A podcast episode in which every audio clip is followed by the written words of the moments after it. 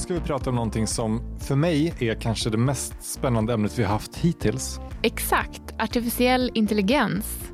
Och det här är en fråga som oroar många forskare och filosofer på riktigt. Så är det. Så vi kör igång direkt.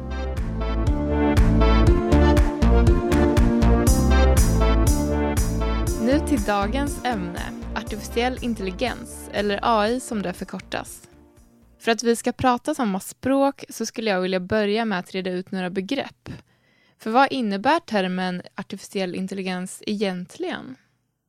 AI är en paraplyterm för program som kan tänka. Och när man talar om AI så finns det lite olika intelligensnivåer som man pratar om. Den som vi oftast pratar om i vår vardag är en så kallad svag eller snäv AI. Och det är en AI som har en eller flera enkla uppgifter som den kan utföra. Till exempel kan den vara programmerad för att vara superbra på att spela schack.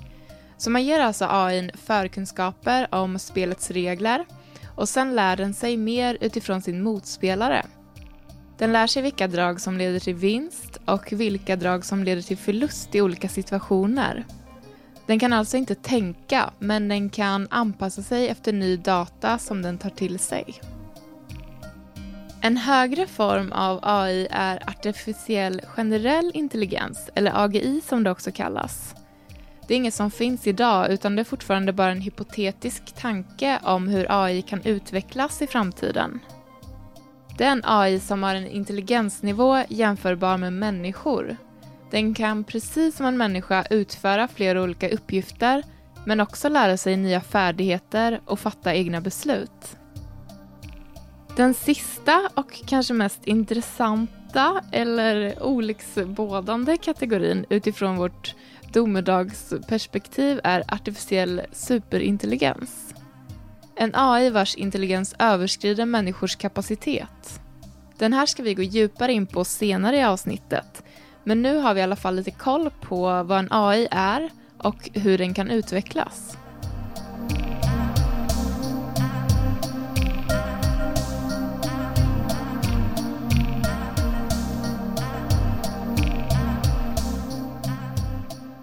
När man nämner artificiell intelligens så tänker nog många på science fiction.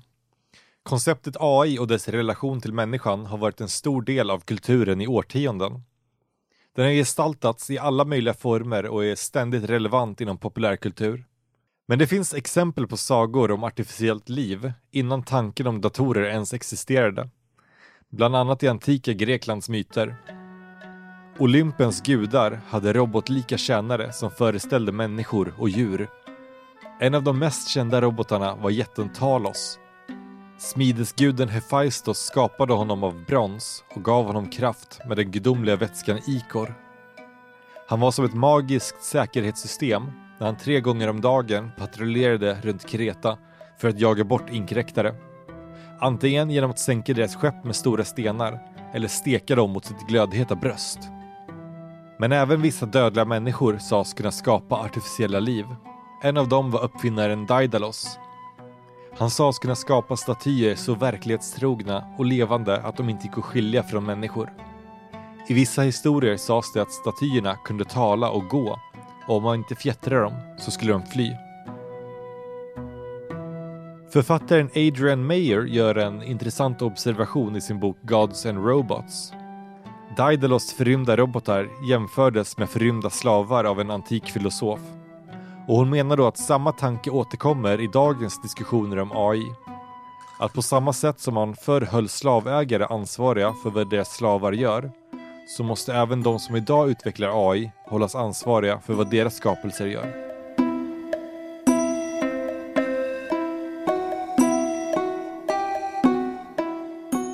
Man kan ju säga att vi människor alltid har velat skapa någon form av liv. Ja, verkligen. Det har varit någonting som har fascinerat människorna i tusentals år. Förutom de här antika myterna så finns det också, alltså i Grekland så finns det också i, i Asien och i Skandinavien också mm. liknande mm. historier. alltså man kan ju titta på så nyare sagor också som Pinocchio. Ja, precis. Då är det ju en liten dockpojke som... som vill bli en riktig pojke. Ja, han vill bli en riktig pojke. Och det blir han ju också. Ja. Till slut. Till slut. Men där är det ju inte en människa som får honom att börja leva, utan där är det väl någon slags elva som... Jag vet inte, någon slags magisk kraft i alla fall. Ja, Jag är dåligt påläst på min Pinocchio. ja det är jag också. ja, men som sagt, i, i många av de här exemplen så är det ju liksom gudar eller någon magisk kraft eller så som, som skapar liv i döda saker. Men sen har vi också Frankenstein och där är det ju faktiskt en galen vetenskapsman som uppfinner liv.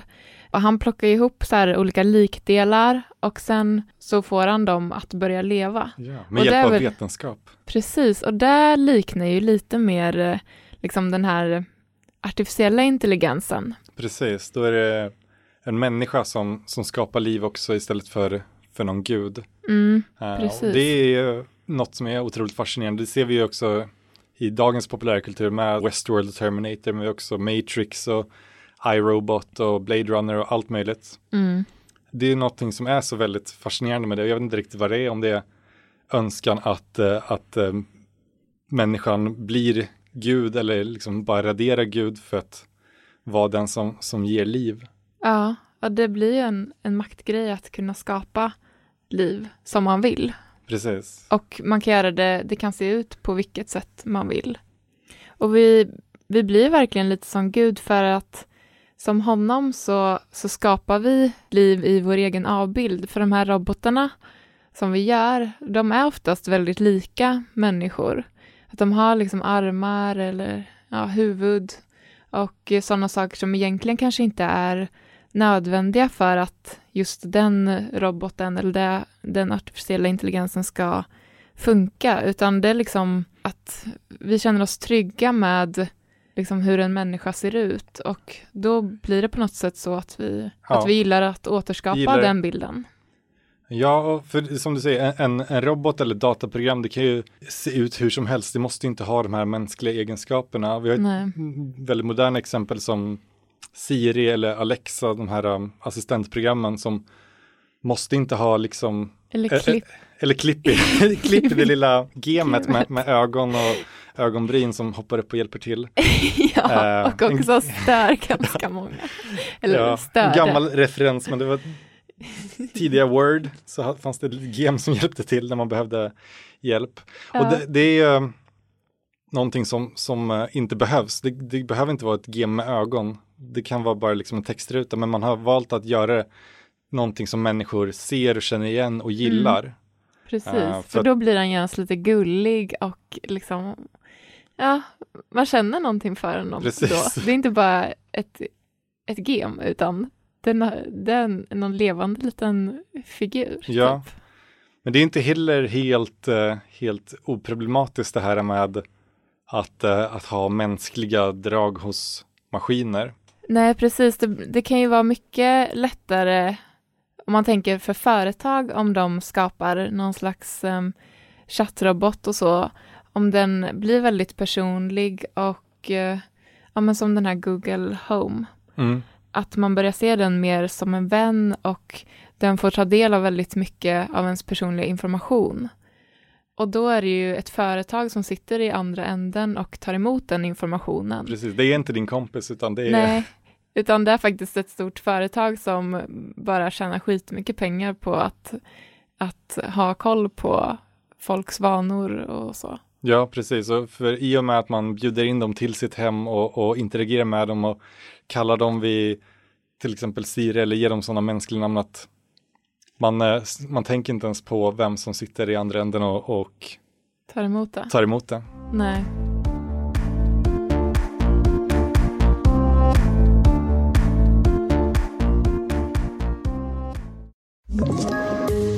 Poddtips från Podplay. I podden Något Kaiko garanterar östgötarna Brutti och jag, Davva, dig en stor dos skratt. Där följer jag pladask för köttätandet igen. Man är lite som en jävla vampyr. Man har fått lite blodsmak och då måste man ha mer. Udda spaningar, fängslande anekdoter och en och annan arg rant. Jag måste ha mitt kaffe på morgonen för annars är jag ingen trevlig människa. Då är du ingen trevlig människa, punkt. Något Kaiko, hör du på Podplay. Därför är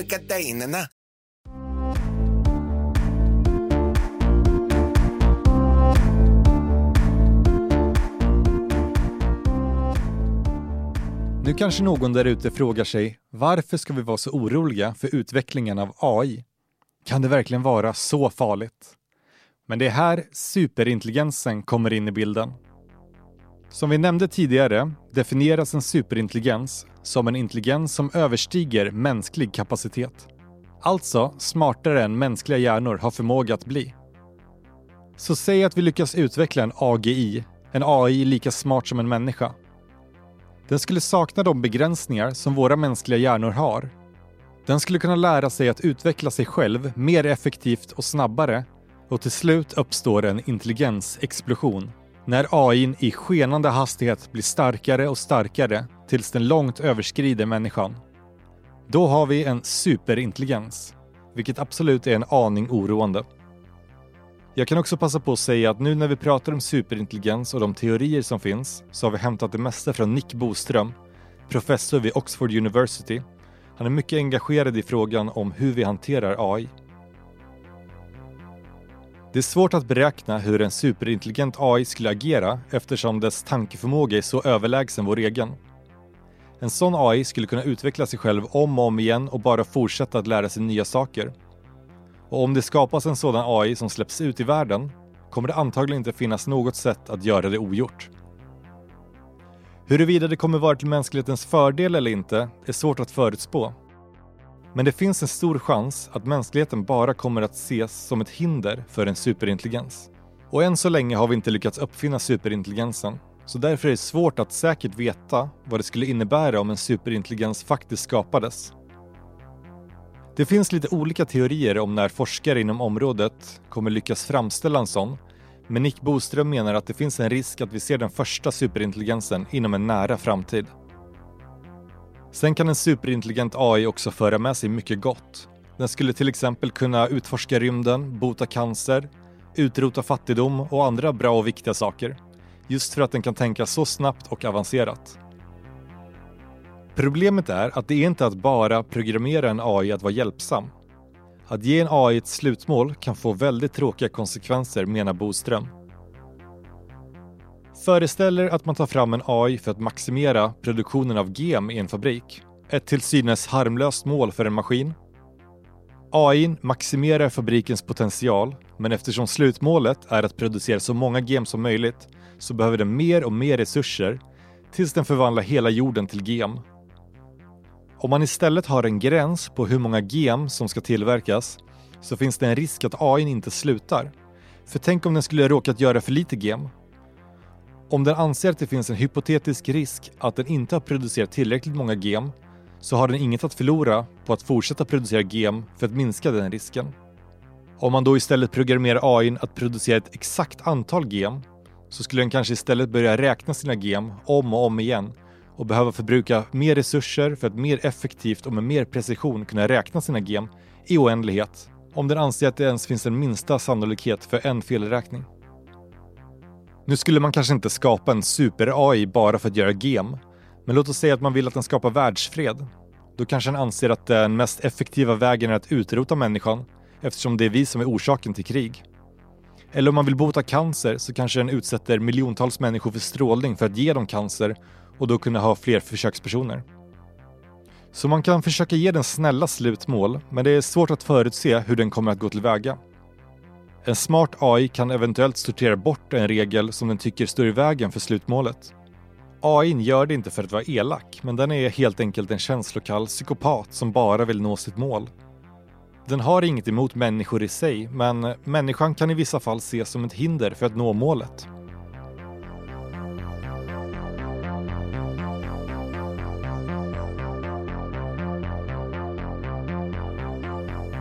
Ja, det är väldigt eh, oroväckande att tänka på vad en superintelligent AI kan åstadkomma. Den är så väldigt eh, målinriktad ja. och det här med att den saknar alltså mänskliga eh, värderingar och så, det gör den ju skitfarlig egentligen. Ja.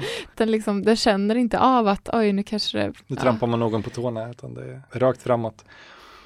Och det är också den stora skillnaden på intelligens mellan människor och någonting som, eh, som är smartare än människor och sen samtidigt utvecklar sig själv och blir smartare och smartare. Om man jämför med som idag, människor Mm. med en nära släkting, schimpansen, finns ju ingen, ingen liksom jämförelse egentligen. Det, på inget sätt är en schimpans i närheten av att eh, besegra människan. Nej, Eh, och det är just på grund av vår intelligens och, och vår förmåga att utveckla oss och, och sprida oss. I det här fallet så är det vi som är schimpanserna, eller kanske snarare en, en mer rättvis jämförelse att vi är insekter och, och superintelligent AI kanske är mänsklig. ja, det är liksom, de kan bli så otroligt mycket smartare så att vi, vi är helt utklassade där. Ja, Nej, det går inte att föreställa sig riktigt. Det är så här, vill man gå dit? ja. Och samtidigt så känns det som att det är på väg åt det hållet. Man eh, utvecklar ju ständigt AI för att bli smartare, mer effektiv och, och lära sig själv mer och mer. Ja, för vi kan ju få ut så otroligt mycket fördelar av superintelligensen, men eh, det beror ju också lite på vem det är som, som kommer först, vem som startar den här superintelligensen, hur den programmeras och, Mm, och vad det eh, får för mål. ja, om det är, ja, vad ska man säga, en god eller en ond människa, Mm. liksom. Ehm, det finns ju ett problem med att liksom, vi människor kommer ju inte överens alltid. Ehm, och eh, ja, men om vi säger att eh, Ryssland skulle skapa en super-AI som de kontrollerar, det skulle ge dem ett jätteövertag över alla, alla andra länder. Och då skulle kanske USA också vilja skapa en, eh, eller de vill ju också hänga på liksom. Mm. Hinna eh, först. Ja, och då har vi någon slags så här kapprustning, att man liksom måste bli först med att göra det och då kanske liksom alla de här säkerhets, eh, säkerhetstänket försvinner lite i den stressen. Precis, att, man, att det handlar om att komma först och man kanske inte ser alla, alla konsekvenser som kan uppstå. Nej, Eller utan, att de sorteras bort kanske. precis, så att man liksom i all hast skapar ett monster som man startar igång och sen så finns det liksom ingen eh, återvändo för att Ja, För att den eh, är så himla smart och utvecklas så snabbt så att det finns kanske ingen liksom, kontakt som man kan dra ur. Liksom, nej. utan, Och samma, samma konkurrenskraft som vi skulle se mellan länder ser vi också kanske mellan företag. mm, Se om eh, Google och Apple båda försöker komma först till att skapa den mest avancerade AI och så kanske det liksom leder vidare och leder till något dåligt. ja, precis. nej.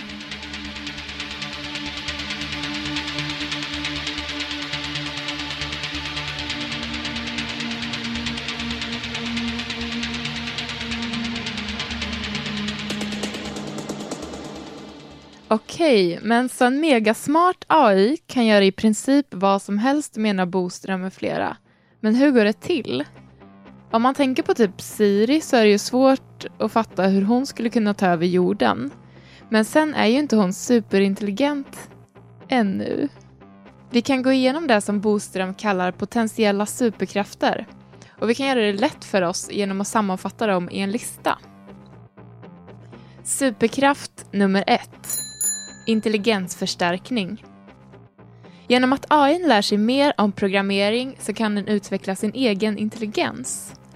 När det här väl börjar så finns det ingen gräns för hur smart den kan bli. Superkraft nummer två. Strategiskt tänkande. Med sin otroliga intelligens kan AI beräkna alla för och nackdelar med sina handlingar. Den kan alltid räkna ut den bästa vägen för att nå sitt mål och den kan alltså typ se in i framtiden. Nummer tre. Social manipulation. Genom att samla information om människor kan den lära sig att manipulera oss på bästa sätt. Genom övertalning, lögner eller hot kan den få oss människor att göra som den vill utan att vi ens förstår det själva. Nummer 4 Hackning. Genom att koppla upp sig till olika digitala system kan AI ta kontroll över till exempel vapen, infrastruktur och ekonomiska system. Och på det sättet få en farligt stor makt. Nummer 5. Teknologisk forskning. En oändligt smart AI kan ta fram teknik som vi människor kanske aldrig skulle klara av att skapa. Den kanske väljer att bygga sin egen militär eller rymdflotta. Nummer 6. ekonomisk produktivitet.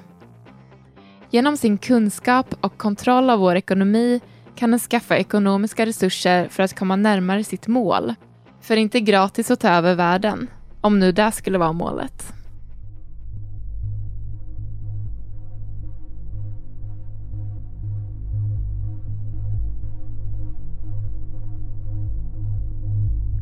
Vi kan försöka förklara hur de här superkrafterna kan användas i praktiken.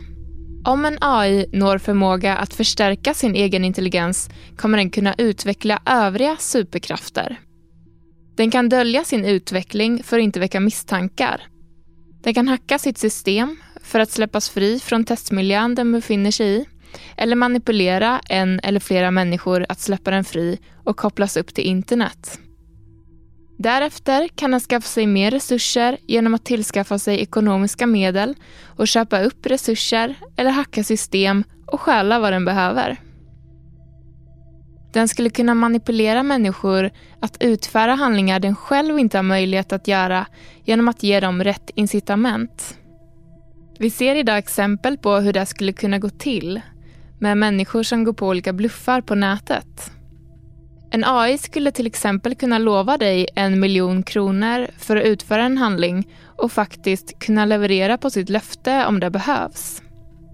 Och AI vet ju allt den behöver för att kunna manipulera just dig. Den har ju tillgång till alla dina mejl, inlägg på Facebook, läkarjournaler, bankkonton och så vidare. En superintelligent AI med förmåga för övermänskligt strategiskt tänkande skulle inte utföra en handling som leder till att den stoppas. Och därför skulle det inte gå att upptäcka den innan det är för sent. När AI är stark nog för att inte behöva gömma sig skulle den kunna aktivera mänskliga vapensystem eller något nytt vapen utvecklat av AI för att utplåna sina motståndare eller till och med hela mänskligheten. Alternativt så kan den mer subtilt manipulera demokratiska processer, sprida desinformation och rubba ekonomiska system för att försvaga mänskligheten och böja den efter sina mål. Om AI inte tycker att vi människor är ett hinder för slutmålet kommer den inte behöva aktivt döda oss. Istället kommer vi kanske långsamt dö av att AI förbrukar planetens resurser och gör jorden obeboelig. Men antagligen skulle en superintelligent AI komma på en mycket mer effektiv plan än vad vi människor kan föreställa oss.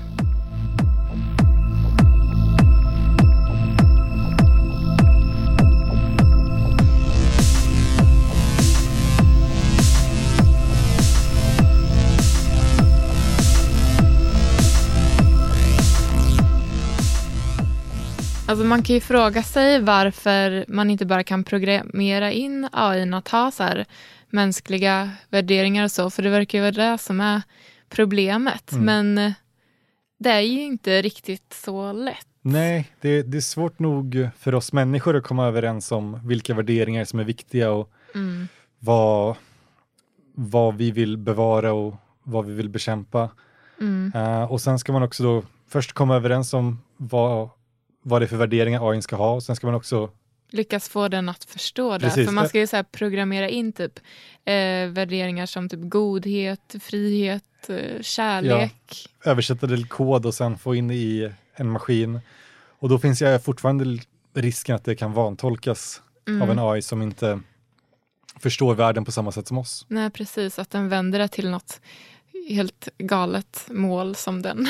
Ja, men precis. För jag tänker mänskliga värden och värderingar, de på något sätt föds väl kanske ur en eh, självbevarelsedrift hos oss människor. Att uh, vi vill bemötas väl av andra, vi vill att uh, våra vänner och våra familjer ska ha det bra mm. och känna sig trygga. Och uh, en AI som, som kan utveckla sig själv och kopiera sig själv, den, den kanske inte känner samma överlevnadsinstinkt. Nej, Precis, den, den går ju mer efter mål, typ så här, att den är programmerad till ett mål och sen ska den slutföra det. Ja.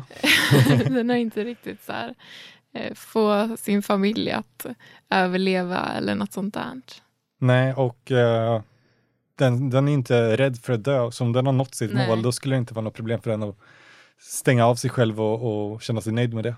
Precis.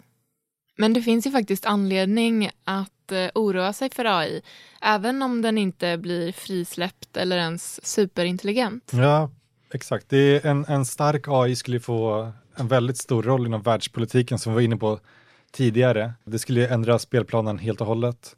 Och det finns många olika områden som den skulle kunna göra stor nytta på, men också stor skada. Mm. Eh, Den skulle till exempel kunna förhindra brott och terrordåd innan de sker.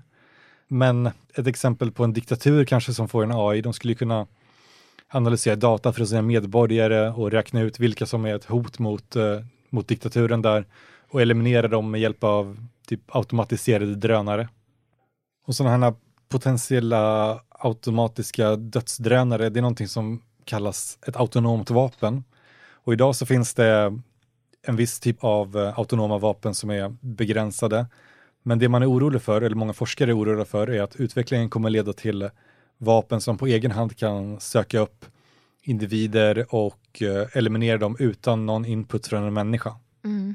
Och den här typen av forskning sker idag inom det militära. Man kan tänka sig att i framtiden så kommer militärer och eh, poliser bytas ut mot eh, Robocops och Terminators. Precis. och då kan man ju tänka så här, varför blir man orolig för det? För det är väl jättebra om det är Robocops som typ så här utför krig och så slipper vi människor Mm. att göra det. Och absolut, så kan man ju tänka. Det finns ju både liksom fördelar och nackdelar med det. Så fördelarna med det här är ju dels att det är färre människoliv som går till spillo. Det är och, bra. Ja, ja, det är bra. eh, och robotsoldater de har ju inte mänskliga svagheter som typ så här, alltså de får inte panik och de har inte fördelar. de har inte fördomar om andra människor och så. Och sen slipper man betala soldaterna för träning, lön, mat, sjukvård och så vidare. Ja, det låter jättebra. här. Ja, superbra. Men det finns också nackdelar. Det är ju det här att de, ja, men som vi varit inne på förut, de har inte de mänskliga värderingarna. Och de kan typ inte fatta så här nyanserade beslut och så. Mm. Ja, men till exempel, det kan finnas eh, situationer där mänskliga soldater skulle kunna avleda typ en farlig situation med civila. Men en robot skulle kanske istället bara eliminera det här potentiella hotet på en gång utan att tänka så här, oj, det här var en civil som inte alls var liksom, skyldig och så. Eh, att här behöver vi kanske inte liksom, döda någon. Nej, just det. Så, Det är mindre bra. Ja, så det är, det är liksom, ja, det finns både bra och, och dåligt Mm. med det här. Det är ju, ja, som vi var inne på förut också, sen om de, om de börjar ta saken i egna händer och börjar Mm. bestämma själva vad som är ett hot eller inte, det är en farlig väg att gå ner på. Eh, men vi kan sammanfatta lite. Där. När vi pratat om AI här, alltså vare sig den är superintelligent eller inte, i fel händer som typ en diktatur eller en liten grupp människor med kanske tvivelaktiga mål eller med goda mål men med fel AI kan eh, vända upp och ner på hela världen och ta över det militära system, krascha ekonomin, kontrollera media och ha monopol på alla, alla teknologiska framsteg som sedan andra människor blir beroende av. Mm. Så det kanske inte är direkt en AI-apokalyps på riktigt så, men det är fortfarande jävligt obehagligt. Nej, det är inte så att jorden kommer stå i lågor och, och, och Nej. dö, kanske, men... Men, Men, det skulle kunna vara så också. ja, det skulle faktiskt kunna vara så också.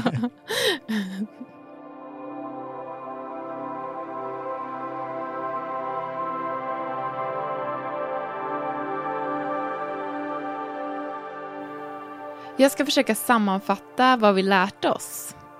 När vi ska förstå farorna med artificiell intelligens måste vi försöka glömma alla onda robotar vi fått med oss från filmer, böcker och serietidningar. Om en AI tar över världen så kommer det troligtvis inte vara med hjälp av Terminators och det kommer inte vara på grund av att den hatar oss. Som Stephen Hawking och flera andra smarta personer redan sagt så kan en superintelligent AI vara det bästa eller det värsta som kan hända mänskligheten. Och många menar att det inte är fråga om vi ska utveckla en sån AI utan när och vem som kommer göra det. Så vi kanske inte kommer få möjlighet att stoppa utvecklingen. Det handlar mer om att det görs kontrollerat och att vi sätter krav på de som jobbar med AI så att ingen slarvpelle skapar ett datorprogram som förvandlar oss till gem i framtiden. När den första superintelligensen släpps fri är det omöjligt att göra det ogjort. Vi har bara en chans att göra det så bra som möjligt. Och om det inte sköts bra finns det inget vi kan göra för att stoppa att en superintelligent AI-diktator tar över världen.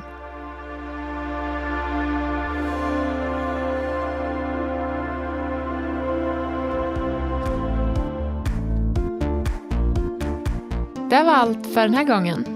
Ja, och om ni vill följa oss på Instagram så finns vi på Domedagen Podcast.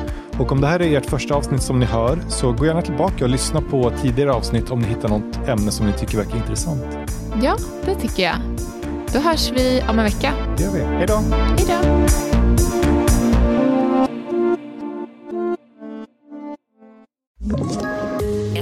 Poddtips från Podplay. I podden Något Kaiko garanterar östgötarna Brutti och jag, Davva, dig en stor dos skratt. Där följer jag pladask för köttätandet igen. Man är lite som en jävla vampyr. Man har fått lite blodsmak och då måste man ha mer. Udda spaningar, fängslande anekdoter och en och annan arg rant. Jag måste ha mitt kaffe på morgonen för annars är jag ingen trevlig människa. Då är du ingen trevlig människa, punkt. Något Kaiko, hör du på Podplay. Därför är gardinerna.